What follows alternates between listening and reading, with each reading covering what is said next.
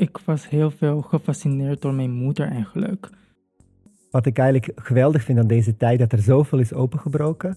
Tegelijkertijd kan ik me wel voorstellen, we merken soms wel dat soms ontwerpers het lastig vinden hoe ze zich tot alles moeten verhouden. Dat vind ik ook de leuke kant van mode, is dat het moet uitdagend, weird en speciaal. En, want dat is ook een onderdeel van mode die zo leuk is. En ook van mensen überhaupt.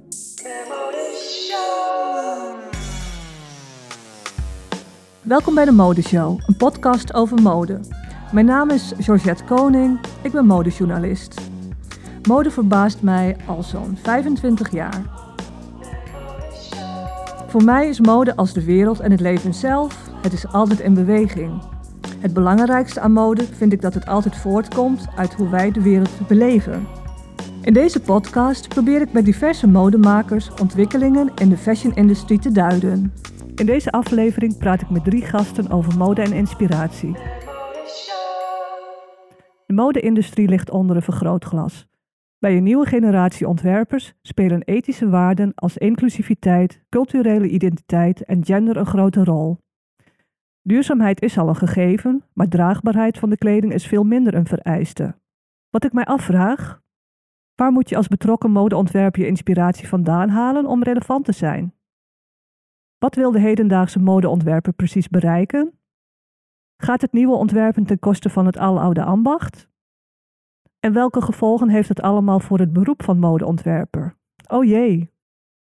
Ik praat hierover met Bonne Rijn, oprichter van Bonne Suits, Darwin Winklaar, multidisciplinair kunstenaar. En ik begin het gesprek met Branko Popovic, oprichter van het jaarlijkse mode-event Fashion Clash. Welkom, uh, Branko. Hallo. Trouwens, Fashion Clash is dit jaar voor het eerst helemaal online ook te zien. Dus uh, ga dat allemaal doen.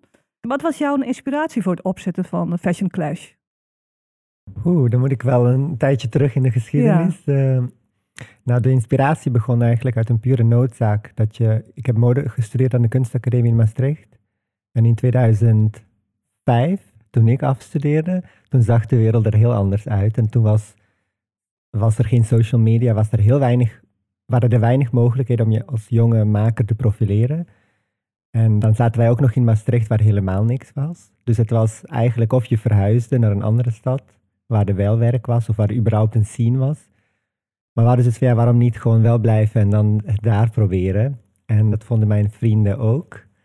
En uh, dus eigenlijk is het begonnen puur uit een soort noodzaak. En ook van überhaupt als je als jonge maker begint, natuurlijk dat je op zoek bent van wat is jouw manier van ondernemen, zeg maar. Ja, want dat was dan twaalf jaar geleden. Uh, ik ben ook even in de geschiedenis uh, gedoken. Uh, een terugblik naar die tijd. de bankencrisis was net geweest. Dat was best wel heftig. ja, wat dan opvalt is de, die economische malaise daarna. Die, die weerhield modeontwerpers niet om ja, iets anders ja, te reageren daarop. Hè? Zoals nu is dat totaal anders. dus het modeactivisme was echt afwezig. En in hoeverre liet je met Fashion Clash een tegengeluid horen? Nou, het begon in eerste instantie, denk wat onze tegengeluid was, al dat wij vonden dat het een heel gesloten wereld was. Dus dat je als jonge maker, uh, je had zeg maar de Fashion Weeks. Dat waren mm. de formats waar je kon presenteren, maar er waren eigenlijk heel weinig andere mogelijkheden. Je had toen de Amsterdam Fashion Week, denk ik al. Ja, die, die was Een meer er, commerciële insteek. Die was er inderdaad. En als, voor jonge maker was dat een soort van far away from your, from your reach, zeg maar. Hm. En ook financieel natuurlijk ook, want daar kun je ook helemaal niet... Je kon er natuurlijk wel aan meedoen, maar je kon het niet betalen. En um, wat, kijk, we noemen het ook niet voor niks Fashion Clash. Wij wilden ook heel erg mode plaatsen in een bredere context. Dus het ook niet, dat het niet een geïsoleerde wereld was. En je zou kunnen zeggen, misschien waren wij de, de eerste generatie die begon zich te, te verzetten tegen het systeem. Mm ja. Misschien zou je dat... Uh, ja, ik denk dat, het toch, dat wij toch deel van die tijdsgeest waren. Dat wij zoiets van hadden van maar ja, ik heb... Uh, ik, ik weet nog dat ik zelf moeite had met mijn afstuderen, dat het een, een show moest zijn met, met, met outfits. En, en met ons platform Fashion Clash konden we dat, eigenlijk hadden wij de volledige vrijheid om dat open te breken. Maar de eerste Fashion Clash, die herinner ik me nog, dat was meer een opstelling, toch? Uh, een grote ruimte met mensen die uh, naast hun collectie zaten. We hadden uh, in, bij de eerste al en shows en tentoonstellingen. Oh, dat wel, ja. Maar dan bijvoorbeeld de tentoonstelling was multidisciplinair. We hadden, ik weet nog, toen Levi van Velu, dat is geen modeontwerper. Oh, ja, Dus we hebben toen al gezocht van, Nou ja, er zijn zoveel mensen die op een of andere manier zich wel verhouden tot die mode. Maar omdat die wereld zo geïsoleerd is, dan is dat, uh, ja, lijkt, het lijkt het zo exclusief. En, en we vonden het belangrijk om het open te breken dat het volledig voor publiek toegankelijk is. Ja, dus dat iedereen er naar kon komen kijken. Maar je vertelde al, je, je bent zelf ontwerper, was en nog steeds. Uh, was jij uh, geëngageerd in die tijd? Ik was zelf altijd enorm uh, geëngageerd en ik vond het altijd heel lastig dat anderen dat niet waren. Ja. en dat heeft te maken Zei je met... dat ook? Of, ja, ik was Ja? volgens mij wel een vervelende student soms. Oh, Maar nou, ik vond het, ik vond het jammer in eerste instantie dat er weinig persoonlijk engagement was tot het werk wat mensen, in ieder geval mijn klasgenoten of die generatie maakten. Um, ik heb zelf best wel wat meegemaakt zeg maar, in mijn leven en ik vond het belangrijk. Ik vond het raar om daar aan voorbij te gaan met, uh, met mijn werk. En, Ja. um, want Ja. je komt uit Joegoslavië, ja, ik, kom, uh, vluchteling. ik ben als vluchteling naar Nederland gekomen en uh, dus het hele uh, studietijd was voor mij eigenlijk ook een periode los van het ontdekken wie je bent als maker, ook wie ik ben als mens Mhm. en wie ik ben in een ander land. Dat ik uh, nog steeds, ik woon nu 25 jaar hier en dan zeg je, oh je praat zo goed Nederlands. Dan denk ik, ja, ik woon er al 25 jaar. Uh, oh, maar je ziet er niet als vluchteling uit. Hoe moet hij er dan uitzien? Maar dat soort dingen zijn nooit veranderd. En uh, dus ik vond het heel belangrijk als dat ik naast mijn werk, zeg maar, wat natuurlijk wel ook over esthetiek gaat, ik wel ook een, uh, een storytelling aan kon toevoegen.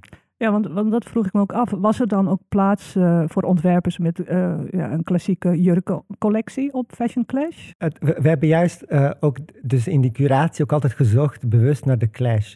We lieten streetwear zien, couture, uh, van alles door elkaar, om te laten zien dat mode is niet dat of dat. Het is multiple voices. En ook, uh, we hebben ook deelnemers gehad die helemaal geen modeontwerpers waren, die eigenlijk iets heel anders deden, maar het gewoon, ja, misschien autodidact waren.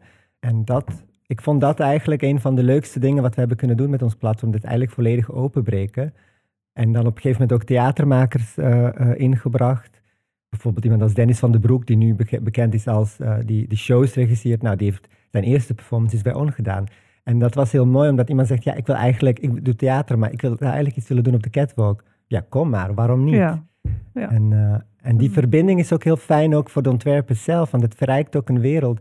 Ontwerpers zijn echt wel heel erg wel geïnteresseerd, maar soms is de interdisciplinaire um, aanpak niet per se in je bereik of je kent iemand niet. En als platform kan je dat doen. Je kan als platform mensen in, met elkaar in contact brengen. Ik denk dat jij vroeger uh, waarschijnlijk ook wel uh, ontwerpers had die je misschien adoreerde, voorbeelden. Uh, als ik dan ook weer een beetje terug ga in die tijd, uh, waren geëngageerde ontwerpers toen heel dun gezaaid. Um, je had Martin Margiela natuurlijk. Ik, kon, ik, was bij een van zijn eerste shows, uh, was bij Leger des Heils ja, kantoor. Dus omdat hij altijd vanaf het begin af aan al bezig is met recycling. Ik herinner me een, een Vivian Westwood show van een jaar of tien terug. Toen kwam ik binnen in een hele luxe grote zaal. En er stond er op uh, dus de stoel een, een, een, flesje. Dat was dus uh, voor hergebruik water. Dus ze had, ja, was helemaal gedoken op het milieu. En ze is echt modeactivist nu ja, 100%. En Hussein Chalayan heeft heel veel indruk gemaakt uh, met een show geïnspireerd op inspiratie. En tegenwoordig is op grotere schaal de modewereld wel opengebroken. Um, door maatschappelijke thema's, meest recent uh, Black Lives Matter. Wanneer begon dat echt bij Fashion Clash? Leuk dat je Hussein Chalayan um, vermeldt, want dat was voor mij ook wel in die tijd een van de weinige uitzonderingen waar ik echt tegen opkeek. Als ik zo terugkijk naar twaalf jaar Fashion Clash, kan je wel natuurlijk een aantal veranderingen zien. In de, in de eerste jaren was het voornamelijk de uh, ontwerpers die zochten naar crossover, dus crossover met andere kunstvormen. En dan um, op een gegeven moment, en dat is toch misschien denk ik in die periode instortte Rana Plaza, Hmm. dat het zo explicieter werd van oké, okay, de mode-industrie maakt letterlijk ook, uh, zijn er bloed, bloed aan de handen, zeg maar. En we hadden het idee dat toen ineens er een switch was en de, de deelnemers ook explicieter waren in hun storytelling en PR-tekstjes, zeg maar, van ik wil bijdragen aan een betere wereld of duurzaamheid. En dat zou ik kunnen zeggen 2015, 16, dat ik merkte toen ook dat er ook uh, onderwerpen als gender of gender equality, mm. dat daar ook eigenlijk in die periode een beetje opkwam. En wij hebben altijd uh, gekeken hoe konden we aan een soort algehele zeitgeist um, um, soort programma omheen samenstellen. En dat, in 2015 hadden wij de Gender Edition. In 2016 was de, de grote, eh, ik zeg maar, de, de vluchtelingencrisis, zoals men dat noemde in de, in de media. Eh, maar wij vonden het heel belangrijk dat, dat je kijkt, oké, maar hoe, wat doen die jonge makers met, met dat onderwerp? En, en er waren er heel veel mee bezig. Dus die engagement is wel toen ontstaan. En nu is eigenlijk iedereen sowieso, sowieso duurzaam. Ja, Sommigen noemen het niet eens meer, maar ze Nee. doen het gewoon. En Mm. eh, zijn heel erg bezig met eh, equality en allerlei onderwerpen. Maar ook in de, in de... Ze zijn veel opener als wij zeggen van... We willen eigenlijk diversere modellen. We hebben, we hebben modellen van, van, van 1,65 tot, eh, tot een maatje meer. Dat maakt eigenlijk steeds minder uit. Terwijl Mm. we vroeger wel eens ook ruzie hadden met ontwerpers... omdat we maatje 40 niet hadden gere- eh, 34 niet hadden geregeld. oh, ja. En dan, dan, dus dat merk je hoe toch dat eh, door de tijd heen is veranderd. En, en Fashion Clash is, is vanaf het begin internationaal geweest ook. Ehm, wat ik me afvroeg, zag, zagen jullie ook verschil tussen deelnemers en, en thematiek en inspiratie? Dus uit verschillende landen? Ja, absoluut. Dat was, kijk, dat, het mooie aan het internationale is dat je natuurlijk ontwerpers uit verschillende landen met elkaar in contact brengt in, in een één weekend, zeg maar. En dat ze dus ook kunnen uitwisselen. We hebben ook veel gereisd in andere landen om talenten te scouten. We hadden ook veel uitwisselingen. En eh, soms, dat is ook soms een beetje op gevoel, kan je, kan je wel de culturele verschillen zien, of in ieder geval de benaderingen van mode. De, wat wel opviel, dat in de laatste jaren sommige ontwerpers, het leek alsof ze dan meer hun eigen erfgoed gingen om, omarmen. Je ziet bijvoorbeeld veel Latijns-Amerikaanse ontwerpers die we hadden, die in de laatste paar jaar dus ook explicieter met hun craft van hun eigen land bezig Mhm. waren. En volgens mij is dat ook door, die, natuurlijk door de hele opkomst van decolonialization en appropriation, dat in sommige landen dan ehm, de makers de ownership willen terugkrijgen van hun eigen erfgoed. En dat het bijna voelt alsof we tien jaar geleden daar soms, misschien is minderwaardigheidscomplex niet een goed woord, maar ik weet in ieder geval wel bijvoorbeeld in Oost-Europa dat er toch echt wel wordt zo opgekeken naar West-Europa. En zo van onze eigen cultuur, wij zijn toch minder voor, oh ja, die Oost-Europeanen. En dat daardoor, door het openbreken van het hele eh, debat eromheen, de makers ook vrijheid geeft om, om veel trotser te zijn op eigen cultuur. Hm. Dus dat, zo ervaar ik het een Ja. Het zal ook te maken hebben met opleidingen natuurlijk. In het Westen zijn vrij goede opleidingen. En eh, heeft een school ook een rol daarin? Zet die ook een stempel op eh, de inspiratie? Op... Ik denk het wel. Ik vind, soms, ik vind soms jammer bij, ehm, bij de opleiding. Dat lijkt alsof een opleiding zelf ook een identiteit heeft. En eh, in de vraag me altijd af in hoeverre lukt het een, een ontwerper om zich volledig authentiek te ontwikkelen zonder de stempel van de school. Maar dat is een heel andere discussie. En door de, door de hele globalisering zie je ook, kijk bijvoorbeeld, neem even Central St. Martins of Antwerpen. Nou, daar zitten studenten uit de hele wereld te studeren. Maar zie je per se een culturele diversiteit in de benaderingen? Niet echt. Hm. Uh, dus dat, dat is wel een interessantere hoe eigenlijk zo'n opleiding bijna als een soort land zelf functioneert. Ja. En wat ik altijd heel knap vind als een ontwerper eh, ja, iets begeerlijks eh, weet te maken, eh, wat gebaseerd is op best wel zware thema's. Hè? Kun je daar iets over vertellen? Want je hebt ook, ook de esthetiek natuurlijk. Hè? Die, die kan wel heel gelaagde mode tonen, maar ja. Dat, dat, dat is precies ook wel de, het leuke en het en uitdagende aan, aan het samenstellen van een programma.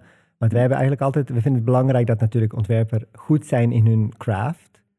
Uh, van, van hoe het is gemaakt tot hoe het is gepresenteerd. Maar uh, alleen zeg maar, mooie collecties uh, zoeken wij niet. Zeg maar. Dus we zoeken wel geëngageerde makers. En die mix. Maar hoe, hoe omschrijf je een, een, mooie collectie? Nou, ik bedoel mooi in de, in de totaliteit van, um, van dat het goed gedaan is. Ja. En dat het um, uh, je een wereld laat zien die je wellicht nog niet hebt gezien. Ja. Dus je bent wel op zoek naar Um, ik zeg altijd zo, de, Diane Freeland zegt het zo mooi, the eye has to travel. Ja. Dus dat je wellicht soms mensen ook iets laat zien wat ze ook niet mooi vinden. Of dat je denkt, oh, dat vind ik eigenlijk vreemd, maar dat juist dat ook heel belangrijk is dat je daar in aanraking mee komt.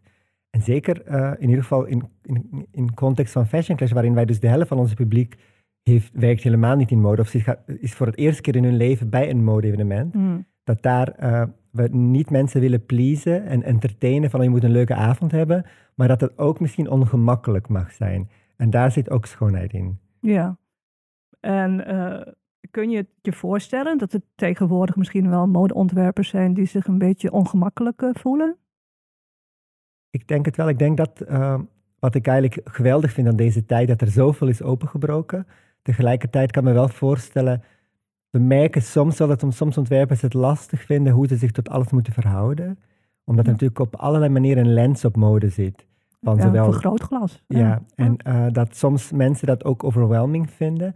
En dat er natuurlijk ook um, misschien verkeerde keuzes gemaakt worden die niet vanuit uh, slechte bedoelingen zijn gekomen. Maar wel uh, natuurlijk omdat alles um, out there is, zeg Mhm. maar. Dus de kritiek is ook out there. En jonge ontwerpers zijn daar misschien soms onhandig nog in. Uh, ik spreek voorna- voornamelijk namens de jonge ontwerpers. Dat is natuurlijk de, de groep die ik het beste begrijp, zeg maar. Ik kan me wel voorstellen dat het niet een makkelijke tijd is om te ondernemen. Tegelijkertijd, we hebben deze tijd nodig. Dus er moeten dingen doorgebroken worden, opengebroken, waardoor, denk ik, op een gegeven moment een aantal dingen gewoner gaan zijn of normaler. Dus je hebt die transities gewoon nodig, die radicaliteit. Uh, en volgens mij mag het nog radicaler op, op een aantal gebieden, om, om daadwerkelijk uh, een verandering teweeg te brengen. Ja, goed. Nou, dank voor je verhaal. Dank, dank je wel. Uh, welkom, Bonne Rijn. Dankjewel dat ik hier mag zijn. Ja, hartstikke leuk. Bonne Rijn, voor wie hem niet kent, hij is oprichter van Bonne Suits, maar ook eigenaar van Zeedijk 60. Dat is een winkel-ontmoetingsplek. Bonne Suits wordt wereldwijd verkocht. Het aantal samenwerkingen met andere merken is amper bij te houden. uh, Daily Paper onder andere, Filling Pieces. Maar je ontwerpt ook schoenen, maakt muziek. Uh, volgens mij heb je ook horecaplannen. Ja, ja. Ja, nu niet misschien. Nu is maar, moeilijk. Uh, ja. ja. Maar ben ik nog iets vergeten? Niet per se, nee. Nou, je brak in 2015 door met de Poor Man's Suit. Ja. Zoals je dat noemt. Een pak als een uniform. Ja, 2014. Oh, 2014, ja. ja. Nou, dat pak, ja, uniform dus. Qua design eenvoudig, betaalbaar, van katoen, geïnspireerd op een uniform. Mm -hmm. Wat lokte jou uit om dat te gaan maken? Ja, een aantal factoren. Um, ik heb altijd een beetje een soort time, tijdlijn in mijn hoofd. Dat ik tot mijn zeventiende heb ik niet echt iets met mode gehad. Behalve dat ik uh, deels ben opgegroeid op een uh, tuinencomplex van mijn oud-tante. En daar droeg ik altijd hmm. overallen en Oh, ja. boerenpakjes, zeg maar. Dat vond mijn moeder dan leuk om mij aan te trekken. Want mijn moeder was wel ontwerpster. Um, maar die heeft die baan niet lang volgehouden en is toen later zelf een café begonnen. Dus het is niet dat het er echt bij mij de paplabel in is gegooid, maar uh, ja, ik droeg al altijd zo'n pak. En toen uh, op mijn zeventiende ben ik toevallig aangenomen bij een kledingwinkel genaamd Supermarkt. Ik weet niet of jullie die kennen. Ja, daar komen we straks ook nog wel ja, over. Dus, en, en, en ja, dat, van daaruit ben ik de mode ingerold. En, uh, en zo heb ik allemaal dingen gezien in mode die ik niet leuk vond. En zo Ja. heb ik een merk willen beginnen. ja, maar, maar Die, dat al die dingen die ik niet leuk vind, een beetje aanspreekt. pak is natuurlijk wel een, een soort van st- statement waar je ook iets mee uitlokte. Eh, eh, Ja. Je reageerde op iets. Ja, ja dus voornamelijk, eh, de, ik bedoel, ik reageerde op eh, ook eh, de non-inclusiviteit van mode, maar ook, eh, ehm, ja, ik wou gewoon een merk maken wat voor iedereen was. Ja, Ja. kan het Ja. niet echt anders uitleggen. Ja. Ja, nou, en heel bijzonder om dat te doen met één artikel eigenlijk. Hè? Ja. Dus tegenwoordig heet dat heel chic het nieuwe collectioneren. Ja, Nou, je, je doet dat eh, heel goed. dankjewel. Want het is nog steeds gebruikelijk dat een modecollectie uit talloze basics bestaat en allerlei fancy eh, kledingstukken. Dus Ja. eh, dat is ook zo'n eh, modewet waar je tegen verzet hebt. Ja. Dan. Zaten daar ook met eh, voordelen en of nadelen aan als je kiest voor zoiets?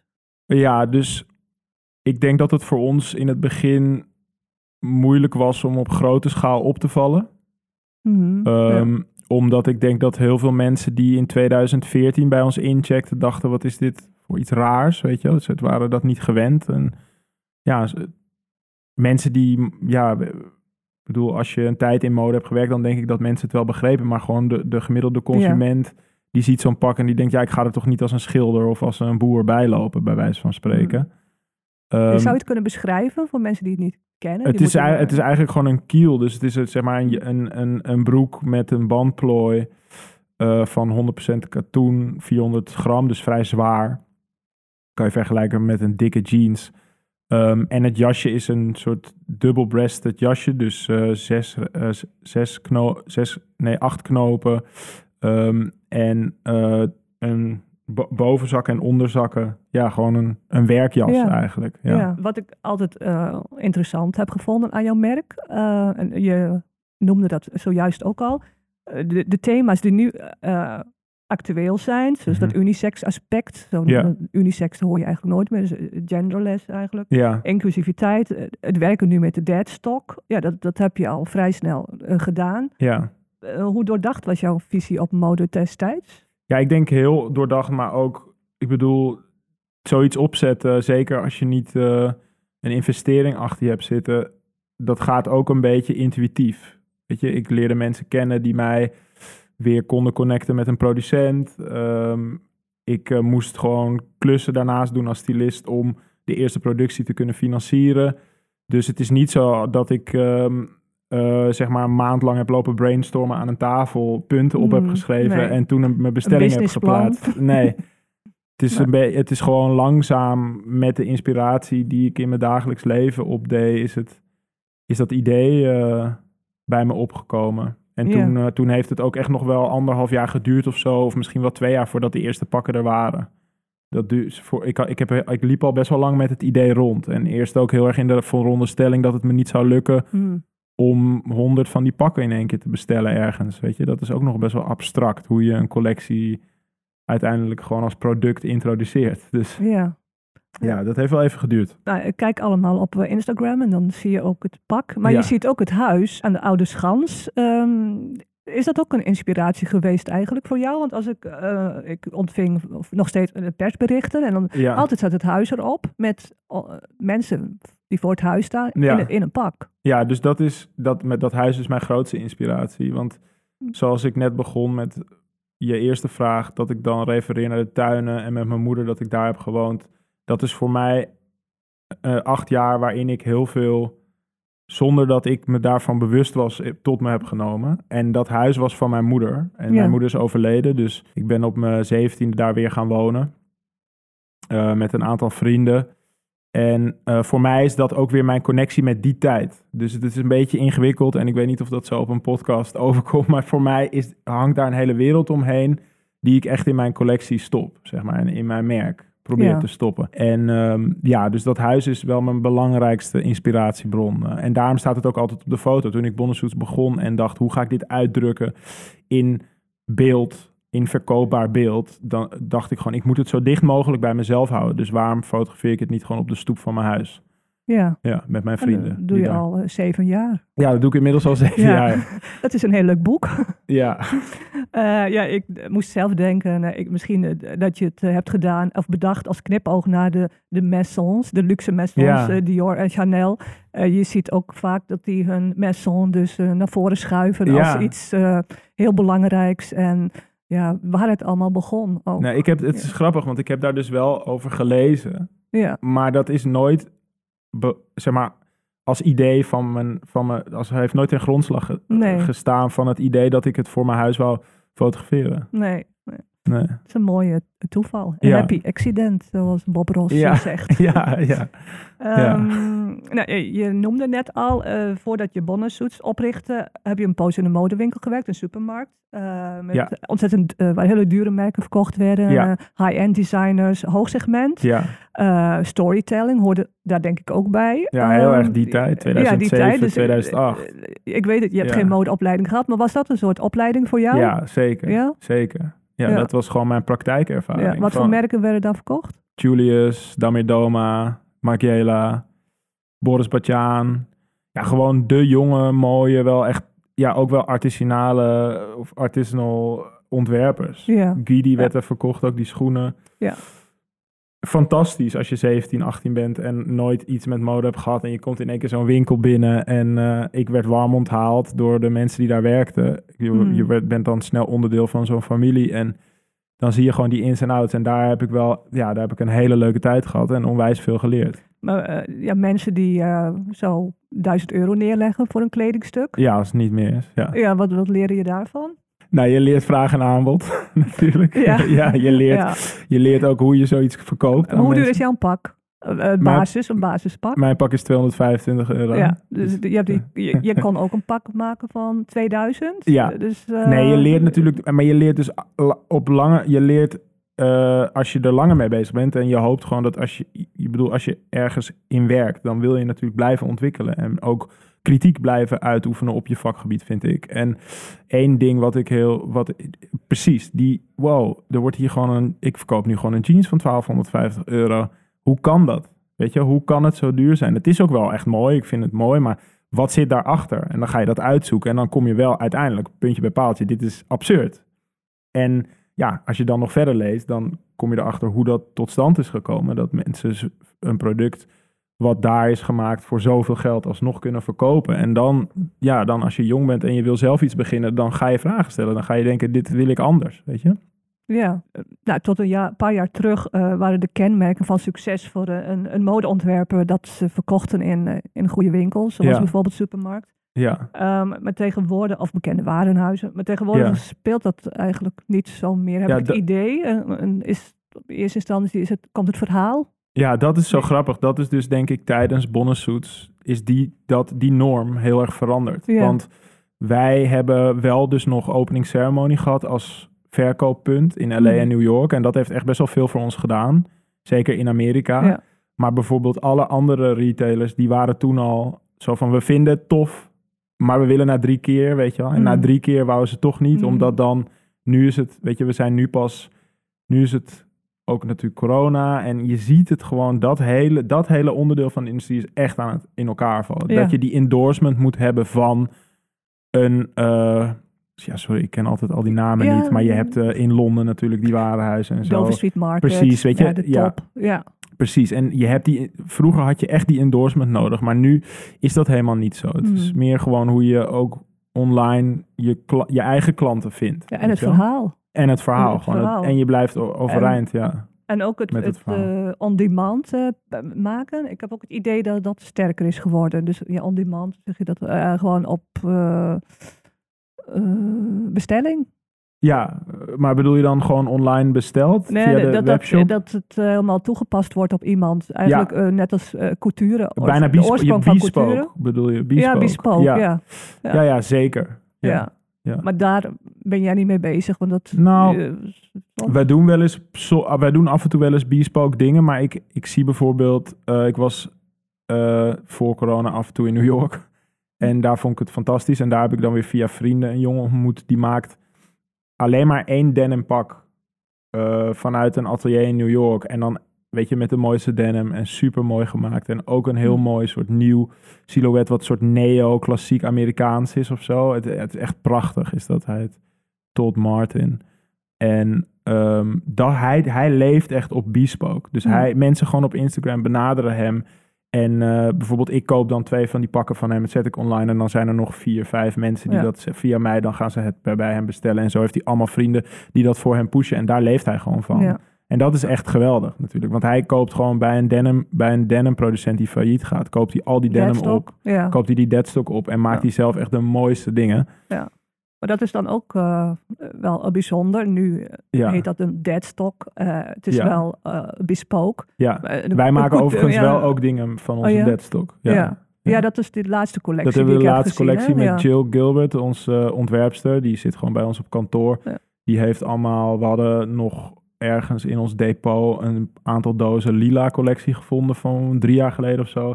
En die heeft zij helemaal uit elkaar getrokken en daar dan helemaal nieuwe looks mee gemaakt. Ja. Veel meer echt looks. Ja, ja, ja. ja. Ehm, en dat heeft het eigenlijk ook best wel goed gedaan. Dat zetten we dan gewoon zo op Instagram op de story. Hmm. En dan zeggen we dit is één piece. Je kan het nu. En dat verkopen we dan Ja. gewoon. Ja, dus in, in die zin ben je dus van één uniform eh, wel aan het ontwikkelen naar eh, diversiteit ook in de kleding. Omdat je hebt ook een, Nou. pak gemaakt, een, eh, de Russie pak. Kijk, we blijven gewoon bij de bonnesuit zoals die is. En, Ja. en onze bulk van onze fabrieksbelasting, zeg maar, van onze, waarmee we onze fabriek het meest bij bela- mee belasten, is zwart en donkerblauw. Dat verkoopt heel goed. en daaromheen doen we allemaal dingen om ons verhaal, wat we willen vertellen, eh, uit te bouwen en uit te lichten. En dat zijn dus dan 10 one-offs of eh, Ja. 25 pakken met een borduursel. Hmm. Weet je wel? Eh, maar dat is niet onze. d- Dus voor ons is het moeilijk om uit te leggen. Weet je wel? Kijk, het geld komt van, van gewoon het ene pak. Ja, Ja. oké, ja.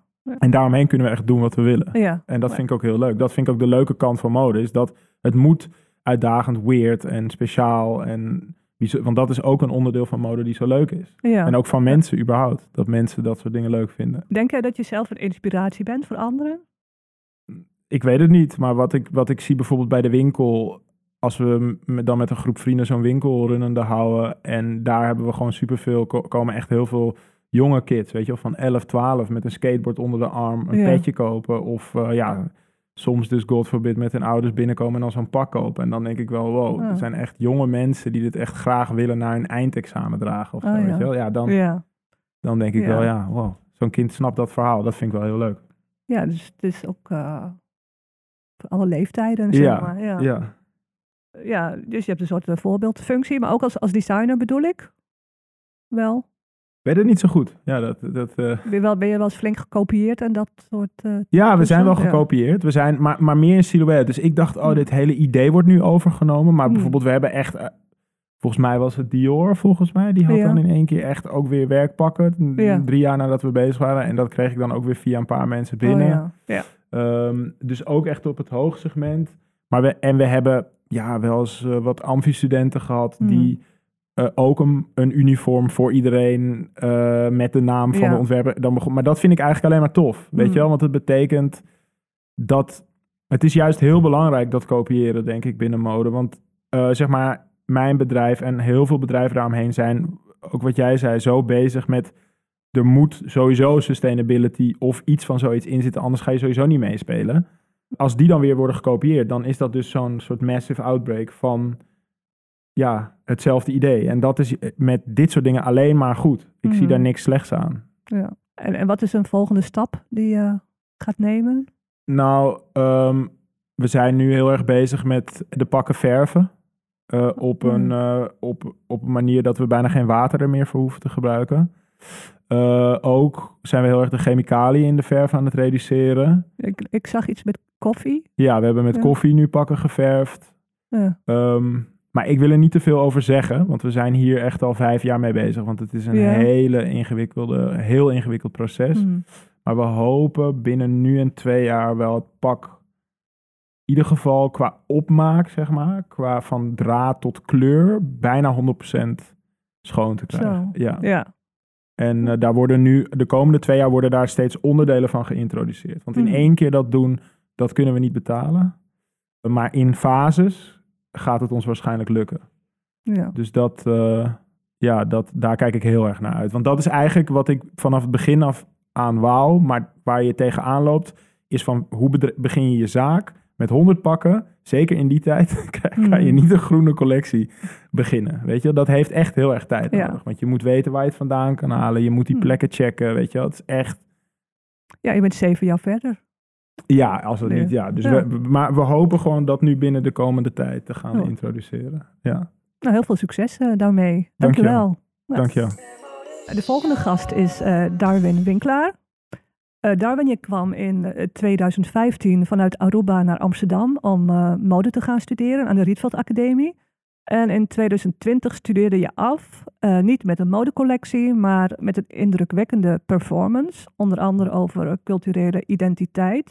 Ik heb met je afgesproken dat we het gesprek in het Nederlands doen. En als je het even niet meer weet, dan zeg je het in het Engels en dat is helemaal geen probleem. Toen jij vijf jaar geleden mode wilde studeren, wat voor beeld had je toen over het beroep eh, modeontwerper? Eh, had, je, had je voorbeelden? Ja, natuurlijk. Ehm, ik, ik was heel veel gefascineerd door mijn moeder eigenlijk. Ehm, eh, toen ik eh, jong was, ehm, ik, ik zit in, in alle soorten vrouwen. Mijn oma, mijn, mijn cousin, iedereen was gewoon soort van gefascineerd door die mode. Ehm, die, die soort brooch of, of, of ehm, ik zal dit in Engels, want ik wil echt eh, mijn woorden goed gebruiken. So basically, uh, my mother used to be my mother is still a big inspiration to me Mm. because um, as a, as a kid, you know, I would see her as this saint. It's very uh, uh, ritualistic to say, but um, the way how she would behave, the way how she would move, the way sh- she would um, come across to people, and and really strong women. So that's for me. That's my first um, impression to, But to she fashion. into fashion herself? Because I remember uh, She- uh, a designer from Aruba, Percy Iruskin. Right. Yeah, do I Peter say it right? Yeah, who also studied at the Rietveld Mm. Academy. Uh, he passed away, but Mhm. uh, he was really a huge success in, in Holland with colorful clothes. Definitely. You remember that? Yeah, definitely. Um, my mother um, used to tell me like, "Hey, this is Perseus King," and Perseus King is such a big influence in Aruba for the Aruban culture and Aruban fashion um, aspect and, and generation. Um, so not only about the colors, but how he is as a person. You know, very kind, humbled. He would tell whatever he could say that moment. Very um, honest, and I really venerate him for that. I really um, put him in an altar because of that. Because Percy is the only uh, fashion designer that has managed to um, make it internationally in in Europe, for example. So uh, for us, is such a beautiful, yeah, such a beautiful gift for Yeah. Aruba. So with that image, you also went to Amsterdam. As said, uh, Percy also studied at the Rietveld Academy. So you were wanted to do the same. Well, actually, uh, that didn't came because of Percy. Of course, it ha- it was an inspiration, but it came mostly because I was surrounded always with um, um, mother figures. Yeah. Always, my mother um, is a um, seamstress. So from Yeah. there on, I used to already help her Okay, um, yeah. building these costumes Yeah, or these okay. pieces or Yeah. these collections for different artists in Aruba. So um, that was always there, always Hmm. there. And from there on, I, I, I, I felt like, oh, I need to, I I want to pursue this. Let's do this. Let's Yeah. let's try what it is. Yeah. So, of course, coming from an island um, in the Latin American Caribbean, uh, you have such a big, uh, different perspective of what fashion is. Um, when you come to the Europe, you know that's totally different. So um, you have to get used to that, and you have to kind of like ask yourself if if this is what you really want, if if it's connecting to you, but of course with a mindset, with an open mindset that you want to learn, and how can you bring this learned process into your own um, identity and your own character? So that is really beautiful. Did you feel comfortable in Holland at the time? Um, my first year, I very excited to be honest because it's so beautiful to see um, different culture, the weather, the people, and uh, try to see that in your own life aspect. But of course, um, that's that's also a kind of like a different doll, I would say, because um, you know, coming from the Caribbean with such colorful, vibrant energy, that's also something that you get confronted with. It's like the, like how you see right now how I talk. This is um, how we talk in the Caribbean. You know, very passionately. This is how we behave. And when I do this to certain people here in the in in in the in Europe, they you know they would see it a kind of different way, and that's totally fine. You know, but um, I got used to that, and from there on, um, apply that. How can I? How can I not fit in, but how can I still um, maneuver in in a different country? Yeah. Yeah.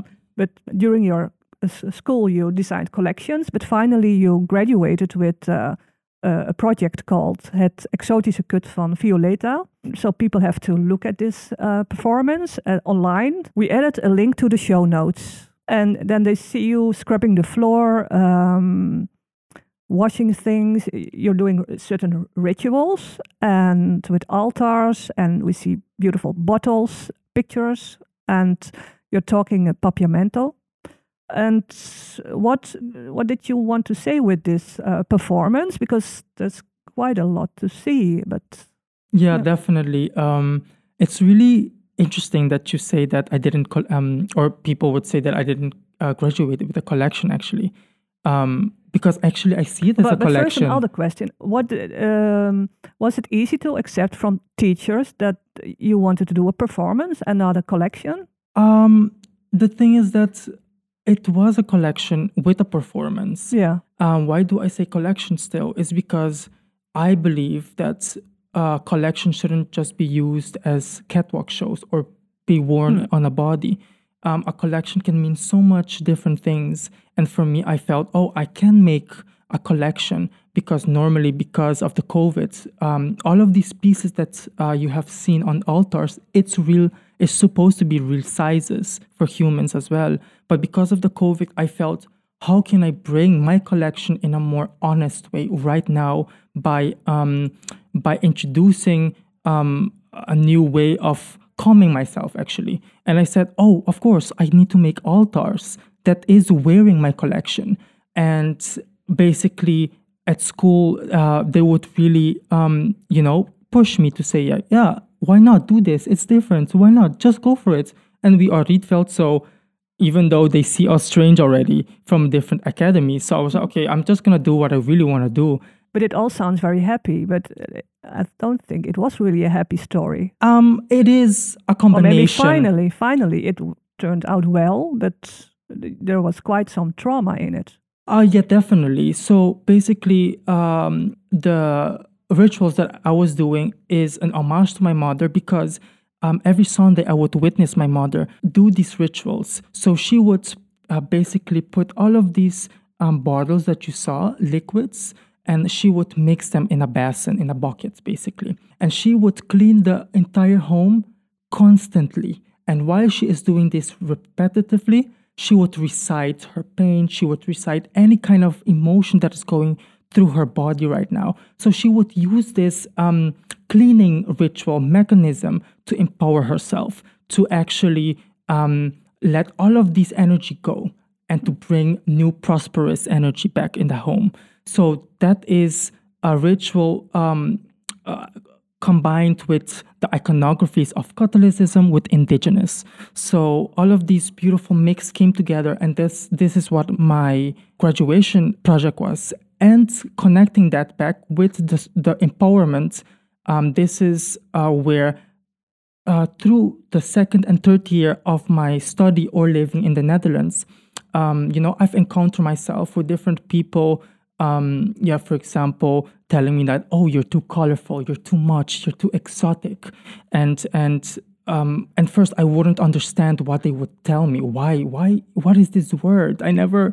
What is this? And so when I went back to Aruba and do, did my internship at a um, prestigious local artist of Saira Muyale, um, basically I was telling her, but what what is this? What, I don't I don't I don't understand it. And she would um, and more artists there, she would tell me like, yes, I mean we all went through it. That they would saw our work too um, chaotic. They couldn't understand it. And most of these artists on Aruba go to the Rietveld. And that's why I chose to go to the Rietveld because they came from the Rietveld.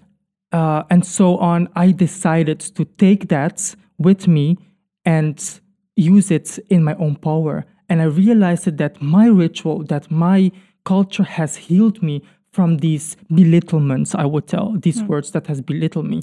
I would use it in my favor and use this ritual to kind of like educate and to kind of like let people know that this is not okay and we can do it in a more positive way in a more productive way um, understanding come together in an inclusive way. And that's what is my my collection is or my my altar that i built each altar had a different trauma. Each altar had a different symbolism the color the texture the hand um, embroidery. All of these details it comes from a pure rich background of, of where I come from and, and the Caribbean especially. So for me it was very important to introduce this um, this this knowledge to the to, to Europe to so they can see that this does exist and it doesn't need to be exotified because it's not it's something more personal it's something more that everyone can use and someone that yes if you feel in a different way you have your own ritual you know and from there on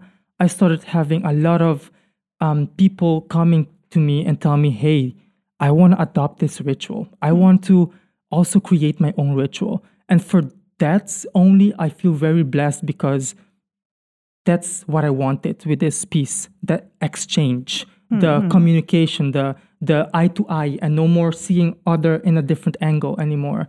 And because maybe certain people don't understand my culture. Um, but how can we how can we exchange just together? How will you continue? Because you, you're uh, more an artist, I think, than a, a a designer. What can we expect?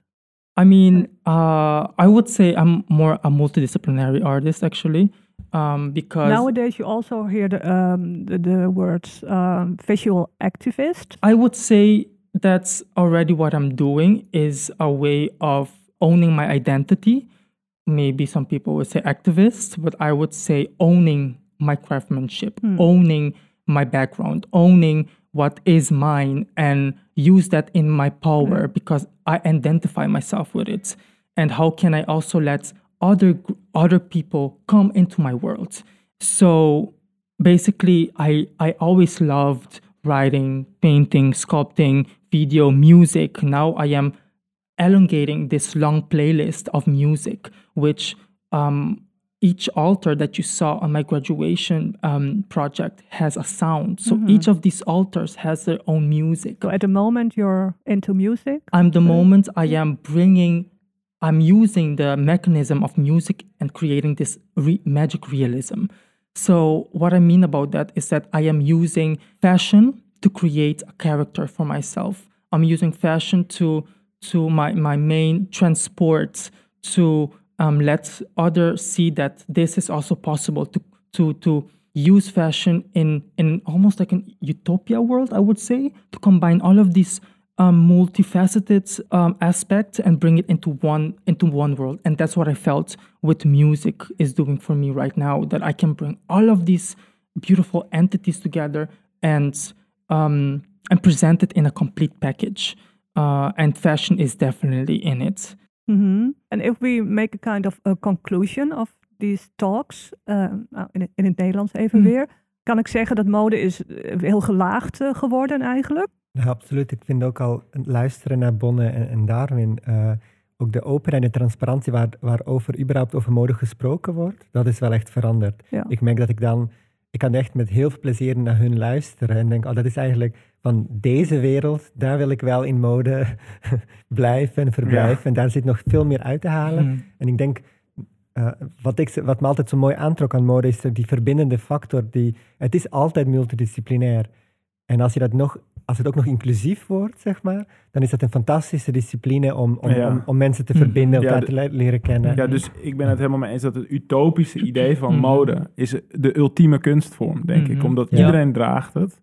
Ehm, ja, ik vind het dan moeilijk om mijn punt af te maken. Maar, maar dat wat jij zei over het ut- utopische idee van mode is geweldig. En dat is ook wat mij aantrok in het begin. Maar wat na een tijdje verzuurde. En wat van daaruit weer opgebouwd kan worden. Hm. Daarnaast vind ik het ook heel belangrijk, denk ik, dat mode is een ongelooflijk belangrijke vessel voor eh, your message. Ehm, en ik, ik denk voor messages, omdat cultuur is natuurlijk zo'n ongelooflijk ding wat nu speelt. Hè? Mijn Ja. cultuur. Ja, mode is cultuur nu. Mhm. Precies. Eh, en is het altijd natuurlijk geweest. Eh, Ja, maar, maar, anders, eh, meer esthetisch. Ja. Ja.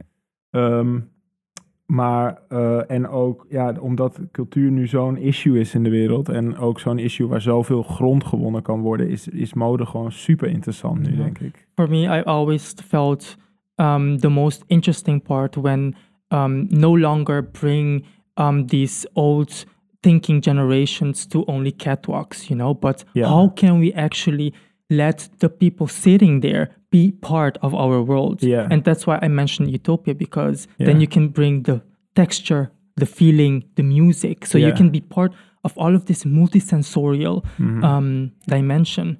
Yeah, and I think that that's what fashion can do, and I think people um, really look over it, pass over it. That's how strong and powerful it can be, Ja. and they don't use it in its most um, yeah beneficial um, way. I feel. Ja, Um, cool. Ja. ja, dus inspiratie komt eh, ja, van het idealisme eh, Mhm. nu. En, en de wil om dingen te verbeteren, eh, te veranderen. En, eh, en dat is heel, eh, op een heel persoonlijke wijze vaak. Mhm. Dus eh, En de utopie, soms denk ik, soms klinkt dat wellicht naïef, maar ik, ik geloof dat het, dat het belangrijk is dat we ook naïef mogen blijven en geloven in utopie. Mhm. En anders, en ik zie dat in de nieuwe generatie, mensen zeggen altijd, oh je werkt met jonge ontwerpers, maar je hebt niet op een gegeven moment alles al gezien, helemaal niet. Want hmm. ieder jaar brengt een nieuwe wereld, nieuwe Ja. perspectieven. En er zijn altijd mensen die hoop brengen. En ik denk dat daar moet ook podium voor gegeven worden. Zeker. Ja, Heel Mhm. belangrijk. yes. Nou, ik wil jullie heel, heel graag bedanken voor eh, dit gesprek. Ja, dat is echt top. Ook jullie verhalen te horen. Ja, Echt- bedankt Echt heel. Thank you so much. Ja.